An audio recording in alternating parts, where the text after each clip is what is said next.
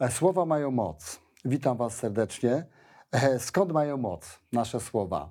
E, Już kiedy otwieramy karty Słowa Bożego, na samym wstępie początku czytamy, kiedy Pan Bóg stwarzał świat, to czytamy powiedział albo rzekł. I działo się to, co dzisiaj widzimy. Na Jego słowo powstawało wszystko. My, jako ludzie, mamy rzeczywiście potężny oręż w naszych ustach. Nawet czasami nie zdajemy sobie z tego sprawę.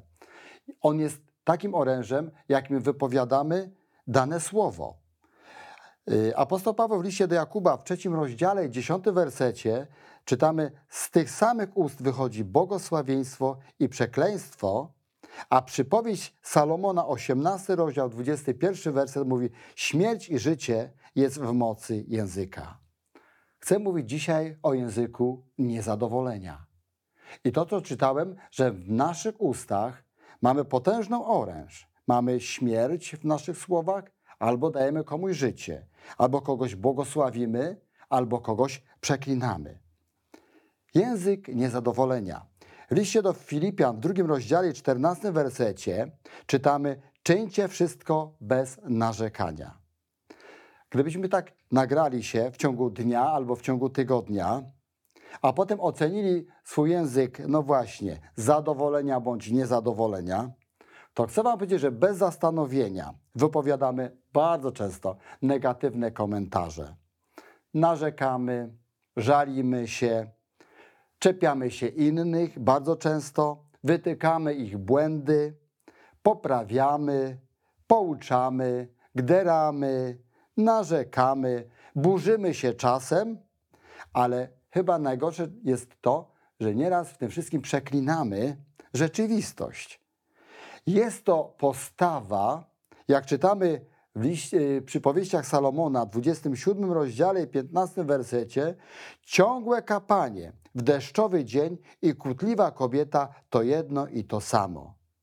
No właśnie, jest to postawa cieknącej renny. Jest to często coś takiego, że tu nie chodzi o, o wybuchowe jakieś zachowanie czy wybuch gniewu, ale nieustanne zrzędzenie, które często powoduje, że uprzykrza życie innym, ale też często i ja sam się z tym źle y, czuję. Salomon wiedział coś na ten temat, jeśli chodzi o cieknącej rynnie i porównał ją do kobiety. On się znał zresztą dobrze na kobietach, kiedy czytamy, że miał bardzo wiele żon i wnioskuje z tego, co teraz czytałem też, że wolałby mieć jedną, byle by nie była zrzędliwa. Nie wiem, czy słusznie, czy niesłusznie, ale Salomon, przypisał tą, tą wadę kobiecie, kłótliwość, ale często też dostrzegamy, ja dostrzegam, że panowie potrafią być równie zrzędliwi jak i panie. I także mieszkanie czy przebywanie w obecności takiego pana to nieraz jest często nie do zniesienia. Czasami panowie sprawiają wrażenie no, pokrzywdzonych, strasznie cierpiących z powodu wszystkiego. Nieraz to wynika z tego, że są nienauczeni odpowiedzialności, chronieni e, czy też wyręczani przez swoje bardzo często nadopieku- nadopiekuńcze mamy. Nie potrafią nieraz odnaleźć się swojej rzeczywistości, otaczającej ich rzeczywistości. I dla mnie widok takiego mężczyzny, zrzedzącego, narzekającego, utyskującego, jest równie denerwujący, jak ciągłe utyskiwanie kobiet. Jest to język toksyczny. Więc o jaki język chodzi? Jaki to może być język? Chcę Ci powiedzieć, że to jest często nawykowe albo e, ne- negowanie, korygowanie tego, co robią inni. To są osoby, które robią wrażenie, jakby specjalnie chciały wywołać kłótnię i sprawia im to po prostu, tak nieraz odbieram, przyjemność. Niewiele osób jest, które są w stanie uodpornić się na tego typu komunikację. Może to być często efektem tego, że te osoby mają wygórowane mniemanie o sobie, swoje ego, gdzieś tam zawyżone, lub głęboko gdzieś tam skrywane mają swoje kompleksy, które stają się dla nich także dokuczliwe. Przykład choćby dzieci, które nieraz widząc rodzica, czy mamę, czy tatę, zrzedzącego, burczącego, także w końcu przestaną nawet zwracać na, na uwagę, uwagę na polecenia rodzica. To są często już nasze nawyki, które, na które nie zwracamy uwagi, i może też i inni też już nie zwracają na to uwagi, i one stają się często standardem. Jak zatem radzić sobie z takim językiem niezadowolenia? Zmiana nawyków e, wymaga rzeczywiście ogromnej determinacji z naszej strony. Ja pamiętam, e, kiedy uczyłem się gry na trąbce jazzowej, to moje początki były e, takie, że miałem nauczyciela, który też był, można powiedzieć, człowiekiem, który, który nie miał ukończonych szkół, był takim samoukiem. Ale ja byłem zafascynowany tym instrumentem, bardzo mi się też podobał. I tak zacząłem uczyć gry. Grałem przez kilka miesięcy, a potem sam stwierdziłem, że no, muszę y, rozwijać się dalej i postanowiłem pójść do szkoły muzycznej. No i o, zaczęły się schody. Okazało się, że kiedy miałem pierwszą lekcję e, w szkole muzycznej gry na trąbce jazzowej, to yy, tak jak zawsze tradycyjnie trzymałem trąbkę i wydawało mi się, że jest wszystko ok, że tak powinno się trzymać. Niestety nauczyciel powiedział, że to jest niewłaściwa dość, że postawa to niewłaściwy uchwyt, niewłaściwie trzymię tą trąbkę. I powiem Wam, że ten nawyk, on mnie bardzo dużo kosztował czasu. Przez chyba kilka długich tygodni miałem zły nawyk i dopiero po jakimś czasie już tego nie kontrolowałem, dlatego że już starałem się w właściwy sposób używać właściwej postawy do gry przy, przy instrumencie. I tak chcę Wam powiedzieć, że E, niełatwo jest walczyć z naszymi nawykami. E, dobrze jest mówić, zwracać komuś e, uwagi na temat zmiany, ale najtrudniej chyba mówić sobie do swojego serca. Chcę Wam powiedzieć dzisiaj o apostole Pawle, który pisze w liście do Filipian czwartym rozdziale i czwartym wersecie takie słowa. Mówi, radujcie się w Panu zawsze. Powiadam, radujcie się w Panu. Pomimo różnych trudności życiowych, jakie chyba każdy z nas, a szczególnie apostoł Paweł y, miał, to warto jest czerpać radość z tego wszystkiego, co dobre. To umiejętność, chcę Wam powiedzieć, dostrzegania błogosławieństw Bożych, tego, co nas spotyka w naszym życiu, pomimo. Paweł pomimo pisze, że bez przestanku się radujcie. W liście do Hebrajczyków w 11 rozdziale i znów apostoł Paweł też pisze, to tam opisuje cały panteon e, wielkich dobrodziejstw, jakim Pan Bóg uczestniczył w życiu człowieka. I tam wymienia wielkich mężów, wymienia Mojżesza, Eliasza, e, wymienia Gedeona, Samsona i tak dalej. E, wielkich ludzi, ale dlaczego to robi? Dlatego, że pokazuje, jakie dobrodziejstwa czy jakimi dobrodziejstwami Pan Bóg otaczał tych ludzi, ile dobrych rzeczy z tego wynikało, jakie, jakie były wspaniałe rzeczy się działy, kiedy Pan Bóg błogosławił tym osobom. I apostoł Paweł chciał pokazać tą pozytywną stronę i na niej, tak nie mam i twierdzę, budował swoją wiarę na tych pozytywnych yy, osiągnięciach, które miał w, w swoim życiu. Pamiętacie, kiedy czytamy dzieje apostolskie, mnie to zawsze ta księga, ta księga, czy też ta historia dzieł apostolskich, powstania pierwszych kościołów mnie fascynowała. Apostoł Paweł też opisuje swoją, swoje życie. Opisuje to, co się działo w jego życiu. I też bardzo często zwraca się do pozytywnych sytuacji, mimo tragicznych, jakie też były, czy nieszczęśliwych w jego życiu. I to jest, myślę, fenomen, że Paweł wracał właśnie do takich pozytywnych wydarzeń w swoim życiu. Kto jak, to, ale chcę powiedzieć, że chyba apostoł Paweł największe miał prawo, żeby tutaj mówić i może się rozgoryczać nad swoim życiem, ale jednak mówi bez przestanku się radujcie. Chcę ci dzisiaj powiedzieć, to ja, to ty tworzysz ten świat. Jeżeli będziesz się skupiał tylko na, na, na negatywnych odczuciach, na negatywnych spostrzeżeniach, to chcę ci powiedzieć, że też będziesz miał taki świat. Te stereotypy negatywne, one kształtują Twój świat, Twoje życie, Twoje wnętrze.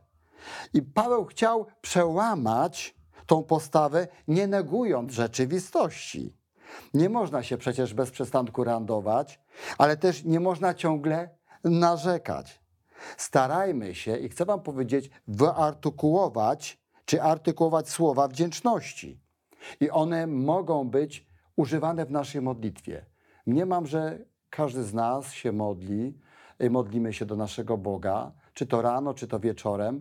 I chcę Was zapytać, ile z Waszych ust, z moich ust, ale szczególnie z Waszych, padają słowa wdzięczności? Jak długo skupiamy się w modlitwie, żeby błogosławić i dziękować Panu Bogu? Czy może tylko mamy listę naszych pragnień, oczekiwań od Pana Boga? I na tym się tylko skupiamy, albo mamy pełno żalu w sobie i wyrzucamy to przed Panem Bogiem, i na tym się nasza modlitwa kończy. To może być śpiew, który nam towarzyszy w naszym życiu. Wielbimy, błogosławimy Go, śpiewamy, artykułujemy też naszymi e, słowami. I myślę, że to jest coś wspaniałego, bo w tym wyraża się wdzięczność do naszego e, Boga. Radość, jak Paweł pisał, to równo jest wdzięczności. Chcę Wam coś powiedzieć. E, pomagamy też osobom w Pakistanie. I ostatnio czytałem pewną taką historię o pewnym człowieku, który stracił obie nogi. Smutna sytuacja, bardzo, bardzo tragiczna też w tym przypadku dla tego młodego człowieka, brata, ale my jako zbór stworzyliśmy też taką akcję, aby zbierać pieniążki też na wózek e, dla osób niepełnosprawnych i też dla niego. I powiem Wam, co było piękne, kiedy e, ta pomoc tam dotarła to czytamy tutaj od y, takie słowa: Dzięki bracie za pomoc mojej misji. Nasza podróż była bardzo dobra. Dzięki Bogu, kiedy weszliśmy do domu Baszara, tego, który miał właśnie te amputowane nogi, y, zobaczyliśmy, usłyszeliśmy, jak Baszar płacze głośno. A jego druga siostra siedziała obok niego i kiedy nas zobaczyli, otarli swoje oczy, swoje łzy i Basza zobaczył wózek inwalidzki, był bardzo wdzięczny Panu i wam wszystkim braciom i siostrom i powiedział, że modli się za nas. Powiem wam, e, czytamy o, o apostole Pawle, e, o naprawdę czasami trudnych e, zdarzeniach w jego życiu, ale w dzisiejszym współczesnym świecie mamy podobne wyzwania. Ale zafascynowało mi ta wdzięczność tego człowieka, że on dziękował nam, dziękował Bogu i powiedział, że jeszcze się modli za nas. To On nas błogosławi, gdzie szczególnie powinniśmy Go, my Go błogosławić, to On nas chce błogosławić. I chcę Wam powiedzieć, abyśmy się skupiali na tych dobrych rzeczach. W liście do Filipian, czwartym rozdziale, ósmym wersecie, apostoł Paweł pisze takie słowa. W końcu, bracia, rozmyślajcie o tym, co prawdziwe, szlachetne, sprawiedliwe, czyste, miłe, godne polecenia. Wiem i chcę Wam powiedzieć, że praca nad zmianą samego siebie jest chyba najbardziej, jest najtrudniejsza, bo wymaga czego? Cierpliwości, wytrwałości i odpowiedzialności. I apostoł Paweł właśnie nas do tego zachęca, abyśmy mieli tą, tą cierpliwość, wytrwałość i odpowiedzialność. A jakimi słowami nas zachęca? W liście do Hebrajczyków w 12 rozdziale i tam pierwszy i drugi werset czytamy tak. Z tego powodu my otoczeni tak wielką rzeszą świadków odrzućmy wszelkie przeszkody oraz krępujący nas grzech i biegnijmy wytrwale wyznaczonym nam wyścigu. I drugi werset mówi: Utknijmy wzrok w Jezusa, w tym, który wzbudza i doskonali naszą wiarę. Jeżeli zauważysz, że twój język y, narzeka lub się czepia innych, to od dzisiaj, i to musi być tak zdecydowane słowo, od dzisiaj zmieniaj go na język wdzięczności. To, co apostoł Paweł często mówi, jeśli jego głos usłyszycie, nie zatwardzajcie.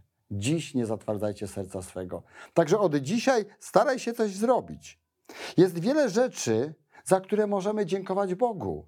Gdybyście tak pomyśleli na chwileczkę, tak zamknęli oczy, a jest to czas też inspiracji, za co możemy dziękować Bogu, za co Ty możesz podziękować Bogu, a może pomyśl o przeszłości.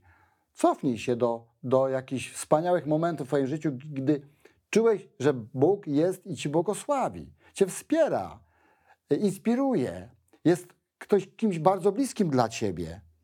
Możemy mu dziękować za wszystko. Możemy mu dziękować za naszych znajomych, bliskich, bo każdy z nich ma wspaniale, wspaniałych wiele dobrych cech, czynów naszych bliskich, którzy, które mają. I możesz podziwiać i pochwalać te czyny. Zobaczcie, nikt nie jest doskonały, ale każdy z nas ma te dobre strony, na które warto jest spojrzeć i, i też zobaczyć, że ten człowiek ma wielką wartość. Chcę Ci powiedzieć, nie poddawaj się, ale rozpocznij. Apostoł Paweł właśnie mówi: biegnij po nagrodę. Biegnijmy po nagrodę. I chcę Wam powiedzieć, abyśmy biegnęli po tę nagrodę. Jesteśmy na bieżni. Mamy cel.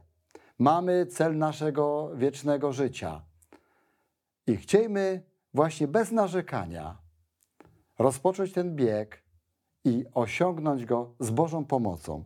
Ja Wam tego życzę i życzę też sobie, aby ten język narzekania był językiem błogosławieństwa, językiem wielbienia, językiem chwały naszego Boga. Abyśmy w takim właśnie kontekście używali tego słowa, które ma niesamowitą, potężną moc.